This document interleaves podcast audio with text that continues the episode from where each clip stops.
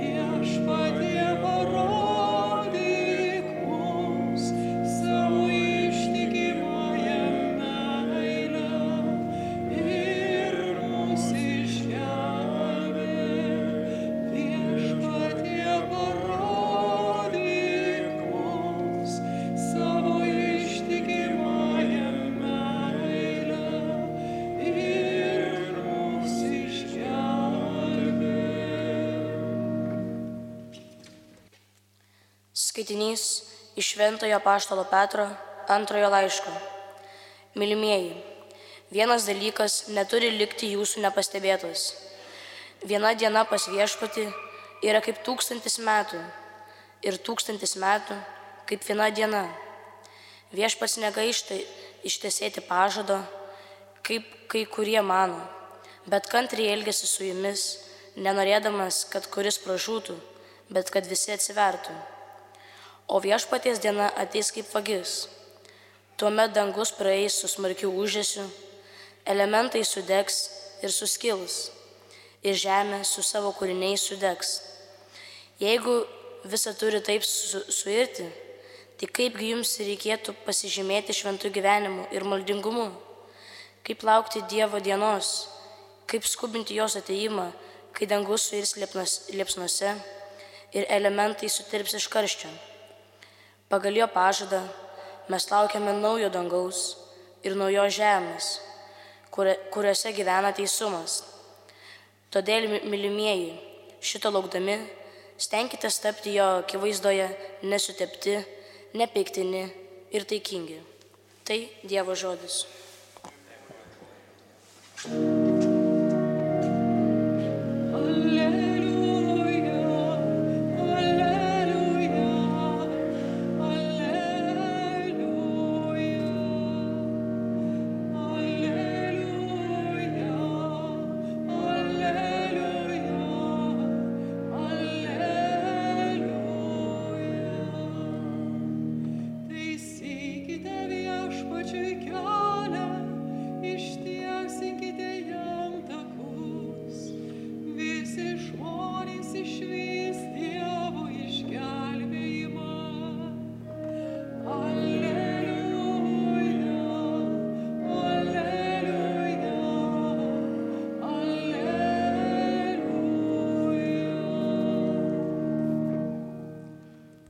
viešpat su jumis.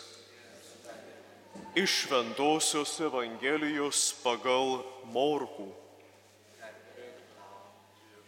Jėzaus Kristaus Dievo Sūnaus, gerosios naujienos pradžia kaip pranašo Izaijo parašyta.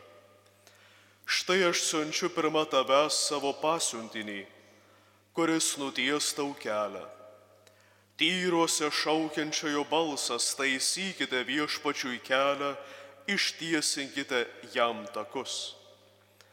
Taip pasirodė dykumoje Jonas.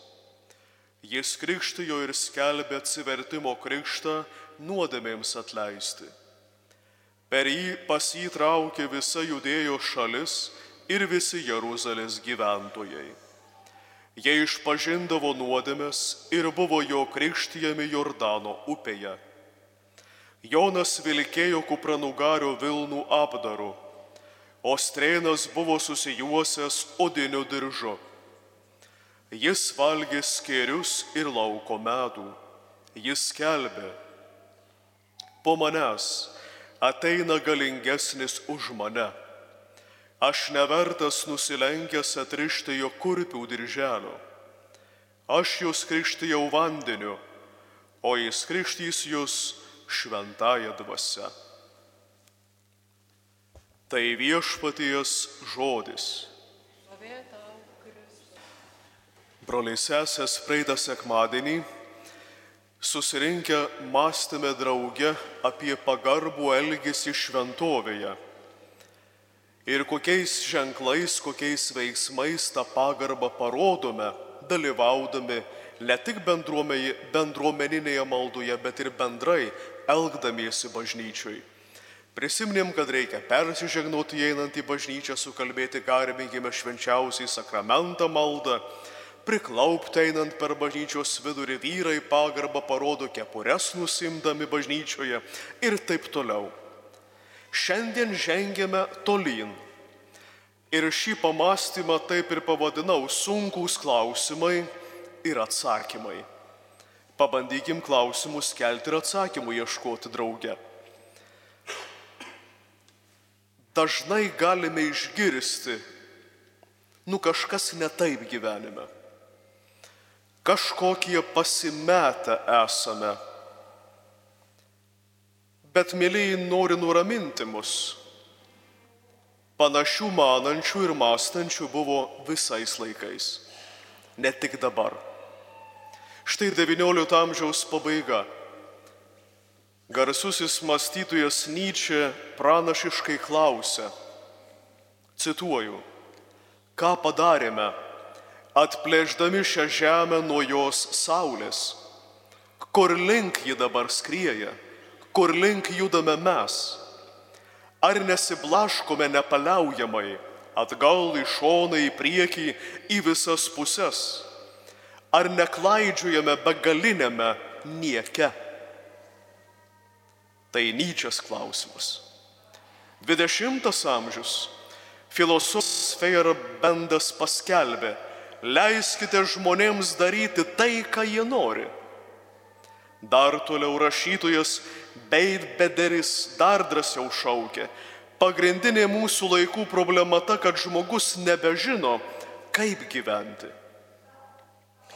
Ir tarsi apibendrinamas tas mintis jau šių laikų religijos filosofas Petris Kryptas sako, vienintelis beveik visiems aiškus dalykas, šio laikinis žmogus yra paklydęs. Kur mes paklydome, galėtume sakyti. Šiandien klausydamėsi Dievo žodžių mes girdime, nuo pat pirmo skaitinio iki Evangelijos pabaigos Dievo žodis iš mūsų reikalauja veiksmo. Palipti ant aukšto kalno, skelbti gerą naujieną, atsivertimo krikštą, taip toliau ir taip toliau. Nesėdėti ramiai, bet veikti. Iš tiesų, mėlyai, o ką reikia daryti, jeigu laisvai žiūrėti ir abejingai žiūrėti į supantį pasaulį ir į savo gyvenimą negalime? Ko griebtis, jeigu jauti, kad tam gyvenime trūksta oro gryno? Kaip rasti tuos, kurie duos ar parduos vizijų, pakiš stabilumo pakojį, parodys kryptį ir pasakys, ko laikytis įvairiuose moralės ginčiuose ir mūsų nesutarimuose. Visi tie klausimai, mėlyai, telpa vienintelį klausimą evangelinį. O ką darai tu? Klausimas nuskamba. Bet ar mes tikrai norime išgirsti atsakymą į tą klausimą?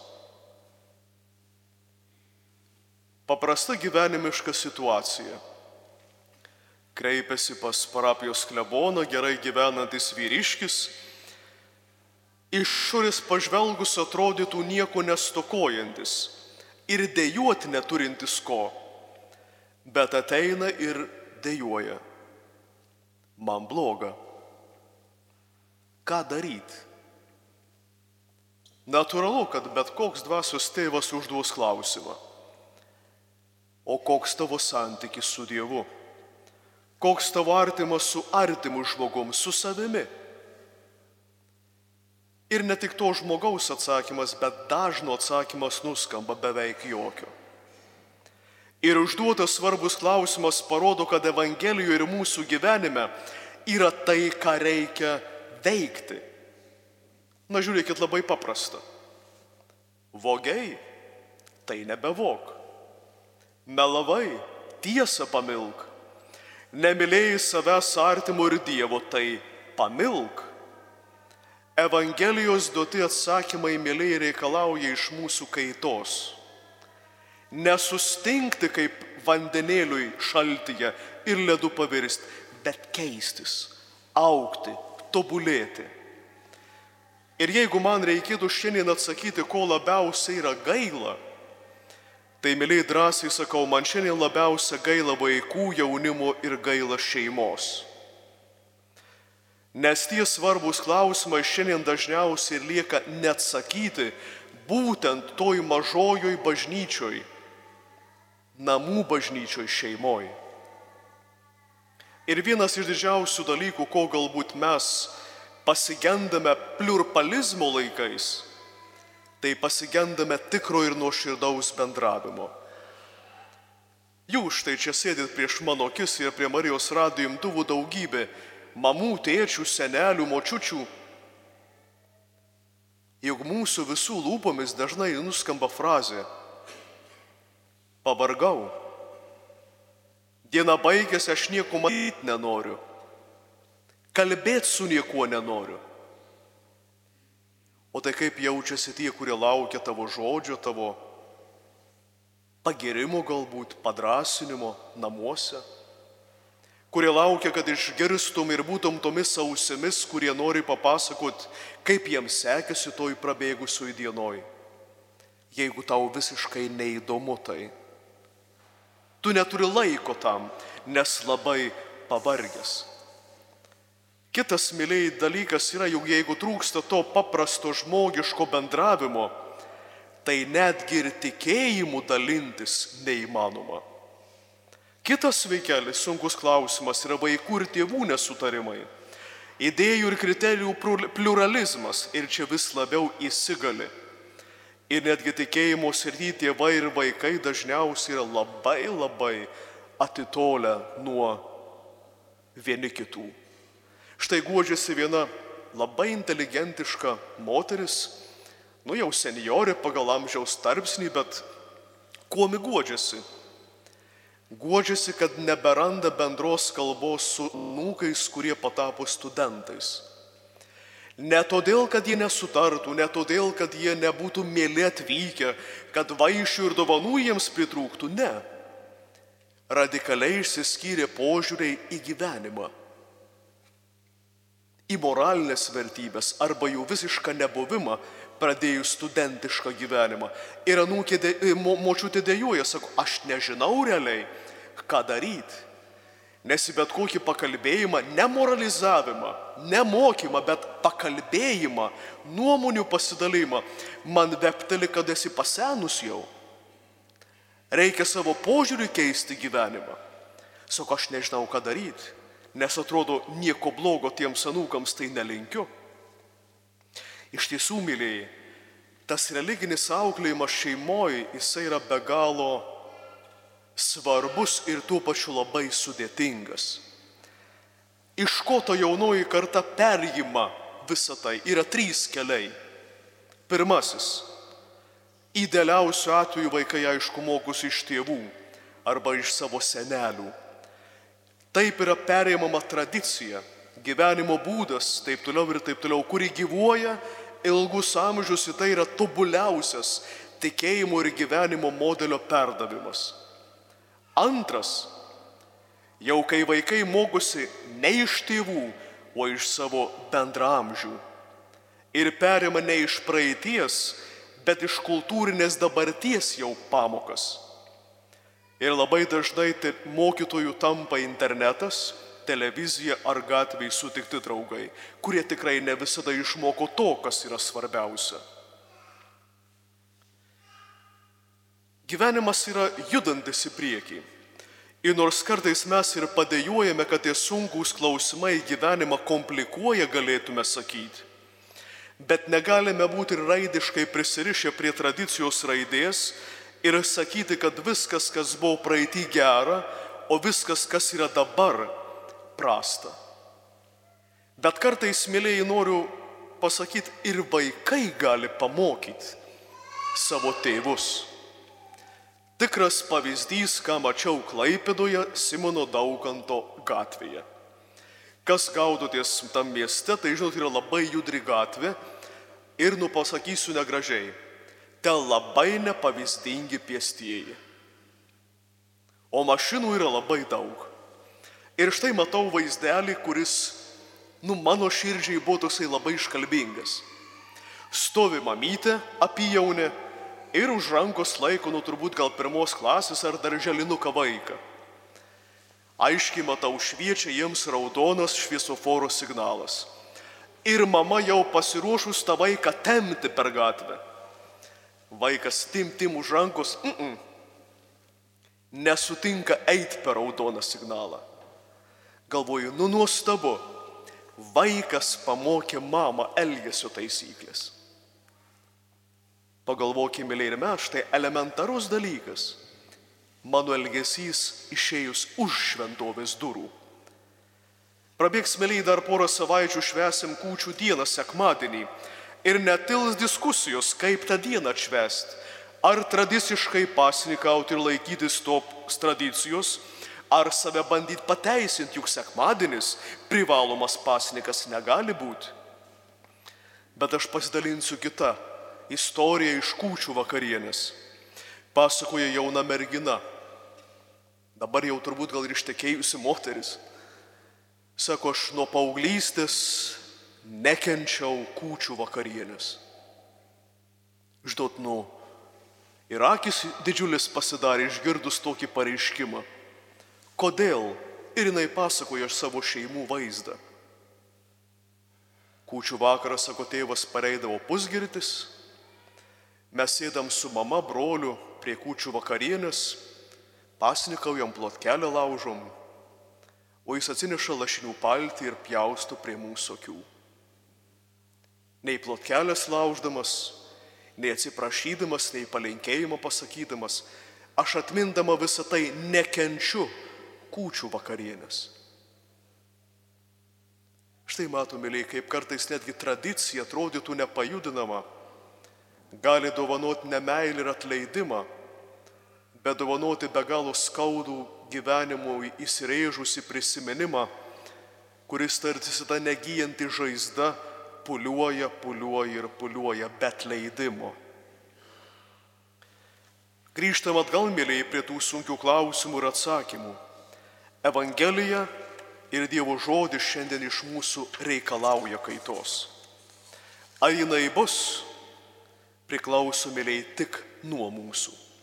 Todėl vietoj to tokio tradicinio pamokslo pabaigoje pasakyto Amen noriu Jums perskaityti mano galvai labai protingą religinio poeto Polio Roto tarsi eilėraštį, tarsi pamastymą, kuris taip pat duoda atsakymus į tuos sunkius klausimus. Viešpatyje mes laukiame bet laukti tai viltis. Vadinasi, mes dar turime išgelbimo viltį nuo neapykantos, nuo kalties, nuo lygos, nuo karo ir nuo mirties. Gerai, kad dar nesame persisotinę, dar trokštame teisingumo, trokštame tavęs, kuris esi pradžia ir pabaiga. Viešpadė neužtenka vien tik laukti, neužtenka žvalgyti sidabrinės laimės juostos, Betlėjaus žvaigždės kaip paskutinio tavo ženklo. Prisipažįstu, nes per ilgai laukiau, patogiai įsitaisęs gyvenau, turiu pagaliau ryštis, turiu palikti už save viską, kas buvo. Turiu išvykti kelionę į laimę išganimą artin tavęs, kad raščiau tave viešpatie.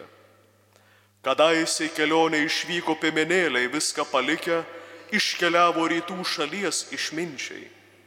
Jie rado laimę, nes jie ėjo artin prie jos, nes tu juos pasitikai. Jie rado tave, pradžią ir pabaigą.